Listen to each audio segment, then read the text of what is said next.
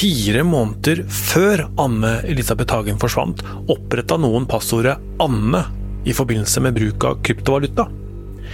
Hva betyr egentlig det? Og hvorfor går politiet ut med slike opplysninger? Dette skal vi snakke om i dagens episode av Krimpodden.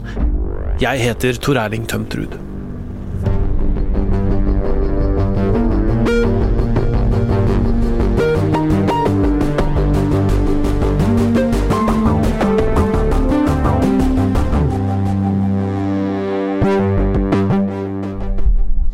I VG så er det en liten gruppe journalister som kun jobber med Lørenskog-saken. Og Øystein er også med i denne gruppa her, eh, og jobber eh, litt i det skjulte, litt for seg sjøl, og stadig så kommer det nye saker om hva som kan ha skjedd med Anne Elisabeth Hagen.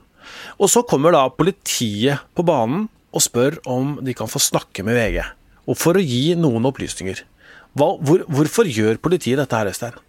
De ønsker jo nå da å få tips. De har kommet på et punkt i denne kryptoetterforskningen hvor de kan åpne litt opp, snakke om eh, det vi har hørt om de siste dagene. da. Kryptobørser, eh, ulike kryptovalutaer, en ny valuta som heter Dash. Um, og ulike steg i denne planleggingen. Så De ønsker jo da å se om det er noen der ute, særlig kanskje da i kryptomiljøet, som uh, kan komme med noe god informasjon som gjør at politiet kan komme videre i, i jakten på den eller de som har skrevet dette trusselbrevet, krevd dette løsepengekravet og står eh, bak det vi kan kalle Altså er motparten. Og så kan det hende at politiet har en baktanke. Det kan hende at man eh, ønsker at de som har gjort dette her, skal føle at de blir pusta litt i nakken. Eh, politiet har jo nå i påsken bl.a. blant annet, gått ut offensivt og sagt at de nærmer seg en løsning. Eller i hvert fall at de er nærmere en løsning, og så får vi se hvor nærme de er. Men, men det kan tenkes at det er en baktanke her.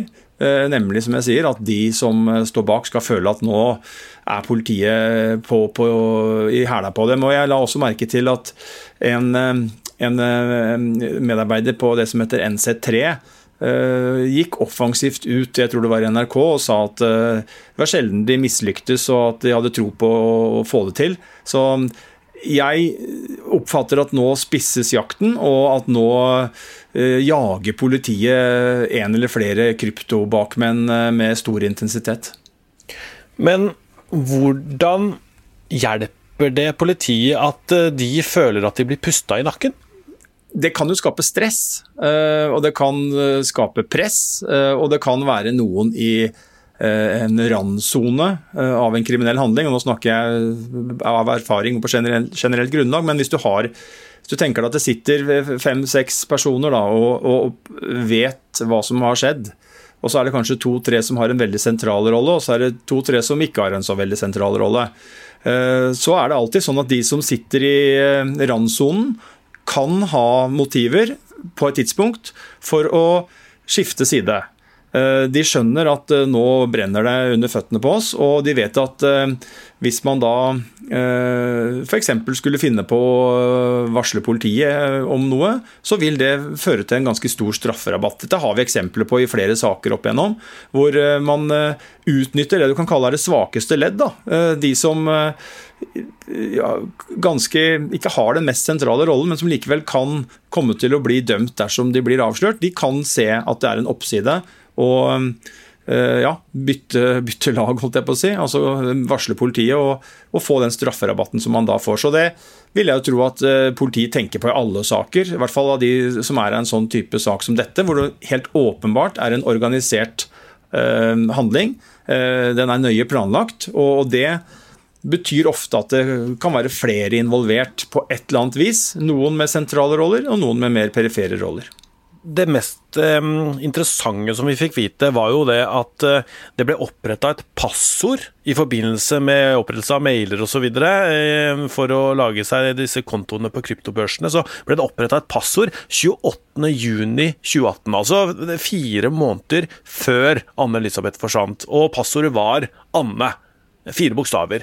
Hva, hva kan du si rundt det passordet og opprettelsen av det?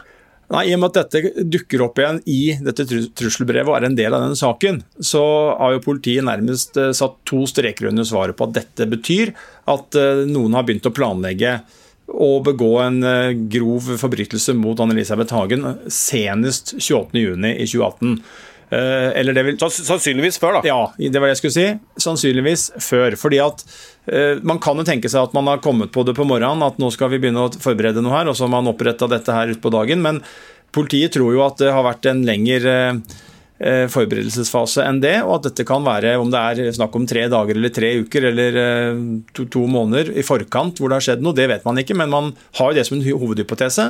At, eh, man, at det har vært planlegging enda før, kanskje på andre sida av sankthans. Og så er jo politiet også merker seg jo med stor interesse at det er jo ikke bare dette Eh, som skjer sommeren 2018, at dette passordet Anne opprettes. Det er jo flere steg. I juli bl.a. Eh, så er det jo denne falske ID-en som vi har vært inne på før, som, som benyttes. Og det gjør jo at politiet spør seg om skulle noen gjøre noe med at Anne-Elisabeth Hagen lenge før. I og med at planleggingsskrittene er så mange og såpass hyppige um, i sommeren 2018, og så går det helt til eh, slutten av oktober før noe skjer, det syns politiet er litt ulogisk.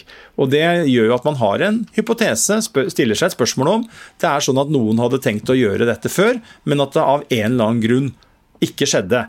Så jeg er helt sikker på at politiet bruker mye tankekraft, etterforskningsressurser, på å prøve å forstå, prøve å se om det var noe som skjedde i hennes liv rundt eh, familien Hagen. Eh, om det finnes noen spor da, som gjør at man kan bli noe klokere på hvorfor det var så mye som skjedde sommeren 2018. Og så ble det helt stille eh, i flere uker og måneder, sånn som politiet i hvert fall ut fra det man vet, før man da eh, fikk den eh, før ugjerningen fant sted i oktober, 31. oktober 2018.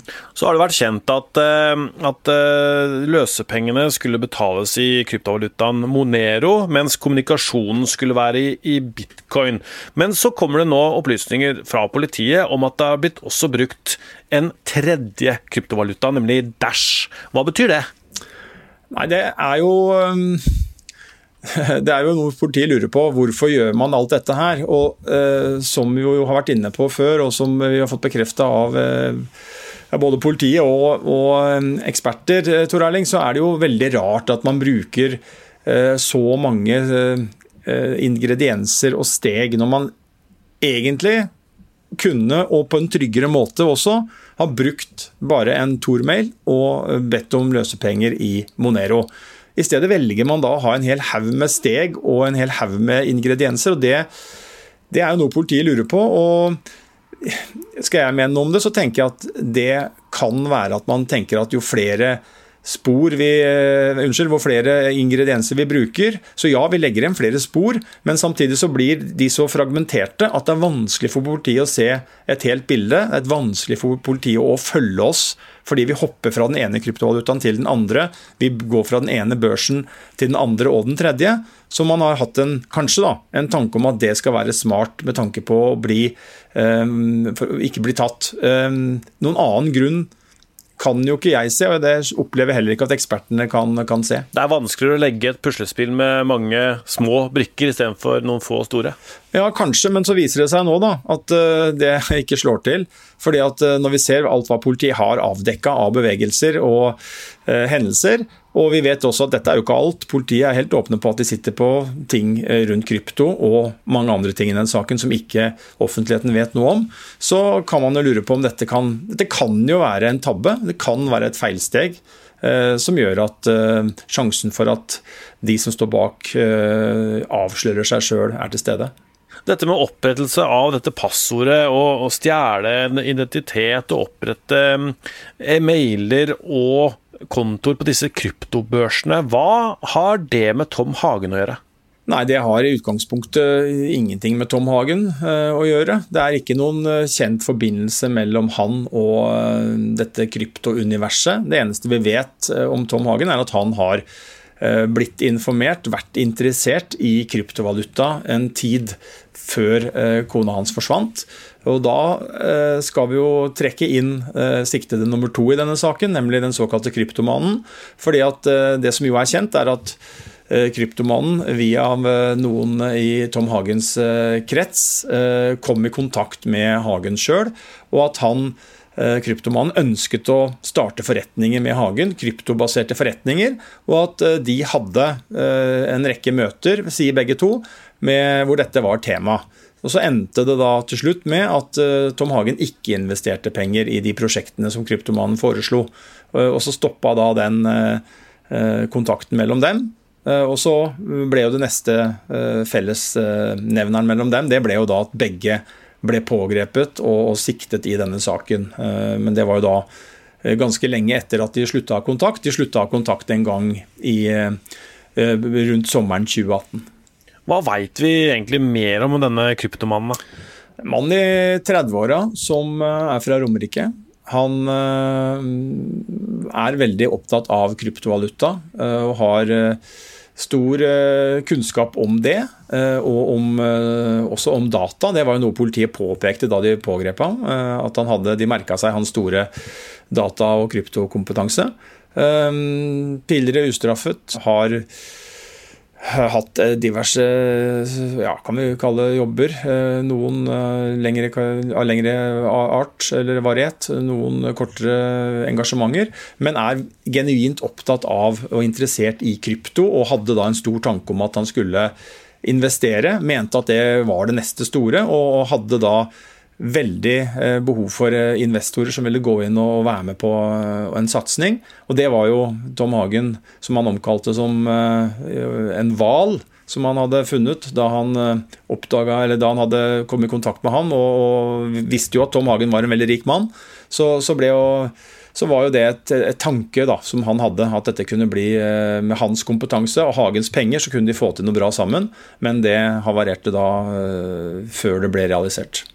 En hval er jo fra, fra, gambling. ikke sant? Hvis du er på et kasino eller rundt et pokerbord, så er hvalen den som alle andre lopper for penger.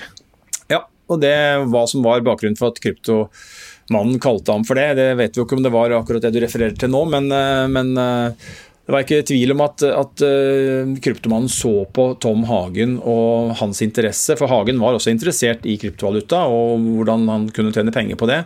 Eh, på et tidspunkt så var det ikke tvil om at, eh, at kryptomannen så på dette som en gedigen mulighet, eh, og at han håpa at Tom Hagen skulle bli med på et forretningssamarbeid, og at de skulle ja, sannsynligvis tjene mye penger sammen. Hva visste du om kryptovaluta før dette, Øystein? Veldig lite, Tor Erling. Hva visste du, da? Nei, ikke noe jeg heller. Altså, det som er, er at Skal du vite mye om kryptovaluta da, og bruke, eh, bruke det og investere i det, så må du kunne disse disse prosessene og kryptobørs. Det det er litt sånn der, litt, Du må nesten være litt sånn datanerd for å, for å få det til. Ja, det må du, og det er mye å sette seg inn i. Og jeg kan jo bare love deg at vi har svetta ganske mye, mange ganger, over eh, både tastaturer og foran skjermer, fordi at Eh, I eh, arbeidet med den eh, store satsinga som vi publiserte nå om krypto, som politiet da initierte, så, så, var det jo det var en bratt læringskurve for mange av oss på det teamet.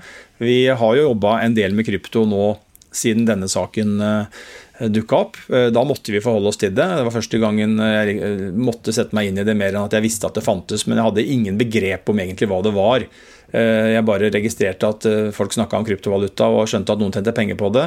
Det var basically det som jeg eh, befatta meg med når det gjelder kryptovaluta. Men det er klart, etter at denne saken dukka opp og vi ble kjent med dette brevet og løsepengekravet, så har vi jo satt, satt oss en del inn i, inn i temaet. Men vi måtte jo steppe opp ganske voldsomt når vi fikk høre om uh, enda en ny kryptovaluta, uh, disse vekslingsbørsene og alle disse stegene og mulighetene som ligger i, i dette kryptouniverset. Så jeg skal ikke si at jeg kan mye om kryptovaluta, Tor Erling, men jeg kan i hvert fall mer enn jeg gjorde for en tid tilbake. Nå blir vi alle kryptoeksperter snart, men vi har, vi, har, denne kryptomannen. Han er åpenbart eh, eh, har god kunnskap om kryptovaluta. Vi har snakka med Torkel Rokstad, som har vært med i flere podkaster. Han har veldig god kunnskap. Er det mange som har det?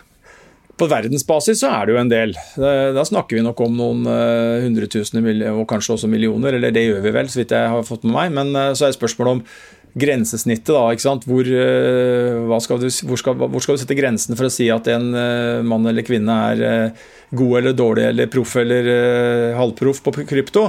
Men det er ganske mange som orienterer seg i retning kryptovaluta fordi at det har vært en del penger å tjene, og vi har jo sett nå de siste månedene at det er jo flere kjendiser også som har involvert seg i, krypto. Um, Elon Musk har jo vært ute og forholdt seg til krypto. Uh, Røkke har forholdt seg til krypto. Så, det er klart at dette gjør jo at den generelle interessen blant folk flest også stiger. Men om det blir noe sånn ja, hvor lang tid det tar eventuelt før noen begynner å investere i krypto som vi bruker aksjer, aksjer og aksjerfond og sånn, det, det, vet jeg ikke. Men ikke sant, Du må ha en del kunnskap eh, om data og, og, sånne ting for å gå inn i kryptomarkedet. Eh, hvis vi da på en måte går ut ifra at eh, du skal være litt sånn datanerd da, for, å, for å bli god på det, så er jo denne saken Eh, litt annerledes, for det handler jo om en kidnapping, muligens, og, og, det er jo voldelig. Altså, Anne-Elisabeth er mest sannsynlig utsatt for vold. Det harmonerer jo ikke med at du er datanerd. Nei, og det er noe vi har tenkt mye på, og som jeg tenker mye over, er jo at sånn som denne saken står nå, da, så kan det tyde på at du har to eh, veldig ytterliggående eh, miljøer. Altså en, hvis vi kan kalle det for så noe så eh, altså kompetanse, eh, kapasitet, så har du sannsynligvis noen som er helt oppe i eh, øvre sjikt på kryptokompetanse. Eh, og så er det, som du sier, sannsynligvis liten mulighet for at eh, de som, eller den som står bak kryptovalutabiten, også er voldsutøver. Og eh, sånn som denne saken fremstår nå, så har du jo da noe av det mest kyniske og, og grove voldsforbryter eller voldsforbrytere involvert. Altså noen som går inn i et hus midt på lyse dagen og tar ut en pensjonert eldre kvinne, og etter politiets oppfatning dreper henne hjemme, tar liket ut og sletter alle spor. Eh, I hvert fall nesten alle spor. Og så har du på, Det er den ene biten av det. Og den andre biten av det er altså da noen som holder på med en så avansert krypto Eh, et så avansert kryptorigg at det har gått to og et halvt år uten at politiet har klart å knekke eh, dette rigget og på en måte rulle det opp og komme med en fasit. Dette er jo kryptert i alle bauger og kanter. ikke sant? Det er uh, mailer og kontoer og sånt som, som, som, er kryptert. og Da er det jo e-, egentlig ikke mulig å finne ut hvem som står bak. Tror du politiet kan klare det? Ja, jeg tror faktisk det nå. Og da, da merker jeg meg jo de uttalelsene politiet har kommet med nå, særlig da fra NC3, eh, både hos oss og NRK, som de virker optimistiske og sier at de ja, stort sett alltid kommer i mål, men at det tar tid. Men at man, man klarer det. Og Så får vi se da, om det også skjer i denne saken. Det er jo klart det er ingen garanti at det med at man har gjort det hittil, så klarer man det også, også denne gangen. Men jeg, jeg må si at jeg er mer optimistisk enn på lenge når det gjelder muligheten for at dette kryptorigget skal sprenges, og at vi skal klare å få vite en eller annen dag hvem det er som har uh, stått bak her, og hva det er som har skjedd. Dynamikken nå syns jeg er veldig spennende i denne saken, så jeg må si at uh, det, har jo svingt, Tor Erling, det må jeg jo innrømme. Jeg har jo holdt på med den saken her nå i snart tre år. Uh, og, det er jo klart at det er jo noe du tar med deg Til tider så er det både dag og natt, og andre tider så er det litt stillere og litt roligere, og du klarer å legge det litt fra deg. Men, men det er klart at denne saken er helt unik og spesiell. Og um, jeg har hatt uh, perioder hvor jeg har tenkt at politiet ikke klarer å løse denne saken. Det har sett veldig vanskelig ut, men akkurat nå føler jeg at det er et håp, og det knytter seg jo til alle de tinga som skjer, og det politiet uttaler, både fra NC3 og det som Eh, politiinspektør Gjermund Hansen har sagt eh, tidligere, eh, for noen ja, drøy måned siden, to måneder siden, at han gikk ganske offensivt ut og sa at politiet var nærmere målet. Og De har jo hele tida holdt fast ved at de tror det er mulig å løse denne saken. her, og Da tenker jeg at det uttaler man seg, sånn uttaler man seg ikke hvis det ikke virkelig er mulig. Da vil man jo bare skyte seg sjøl i foten ved at det viser seg at dette ikke går. Så vil man jo framstå som ganske ja, Noen vil tenke at det ikke er veldig imponerende da, hvis man har gått rundt og, og, og trodd og sagt at man kan løse en sak, og så klarer man ikke likevel. Det må jo være fullt trøkk fra, fra, politiets side på dette kryptosporet nå. For det var jo som, som Jørn Lier Horst sa i en tidligere episode av Krimpodden, at løser du kryptosporet, så løser du saken. Ja, og så er det jo som han også sa, at eh, det er mer avansert enn vi har trodd. Og, det, det, ga jo oss eh, Første gangen jeg hørte om dette og fikk presentert disse nye sporene, så, så fikk jeg jo bakoversveis. Fordi at jeg tenkte at dette var uh, mer uh, enkelt uh, rigga enn enn alle disse nye tinga som vi har hørt om nå de siste dagene. Uh, så det er klart at eh, ja, denne saken den, eh, den svinger, og mm, man blir stadig Det kommer stadig ting som gjør at man blir overraska, både overraska og rysta. og spør seg jo i alle dager hva er dette for noe? Og så får vi håpe at vi får et svar på hva som har skjedd. Og så er det ikke så viktig om det tar fem måneder eller tolv måneder eller 18 måneder. men jeg tenker at Det viktigste er at man klarer å Eh, komme til bunns i, i, hva som har skjedd. Og det er jo verdt å merke seg at politiet har fullt trøkk på denne saken. Det er bortimot 40 etterforskere som fortsatt jobber med saken her. og det sier jo noe om at man har ting å ta tak i. Og Hvis det er noen som hører på som har opplysninger, så kan de jo gå til politiet. Eh, de har vel en sånn tips.politiet.no-side på nettet, hvor du kan eh, finne ut hvordan du kan gi, gi informasjon. Og så kan man jo ta kontakt med oss også, Øystein? Absolutt. Vi eh, får mange tips og eh, følger opp eh, tipsene så godt vi kan. Og det er klart at Hvis noen ønsker å ta kontakt med oss, så er ikke det, er ikke det ulovlig. Så det er bare å, å, melde seg. Og Det kan man også gjøre anonymt, og det finnes det informasjon på på, på VGs sider om hvordan man gjør. Ja, både på nett og mobil så finner du Tips oss-tjenesten på VG sine sider. Eller du kan sende en mail til krimpodden at vg.no. Følg oss også gjerne på Facebook. Produsent for Krimpodden er Vilde Våren. Øystein Mille er med. Jeg heter Tor Erling Tømt Ruud. Ronny Furuvik lager musikken, og Magne Antonsen har det tekniske ansvaret.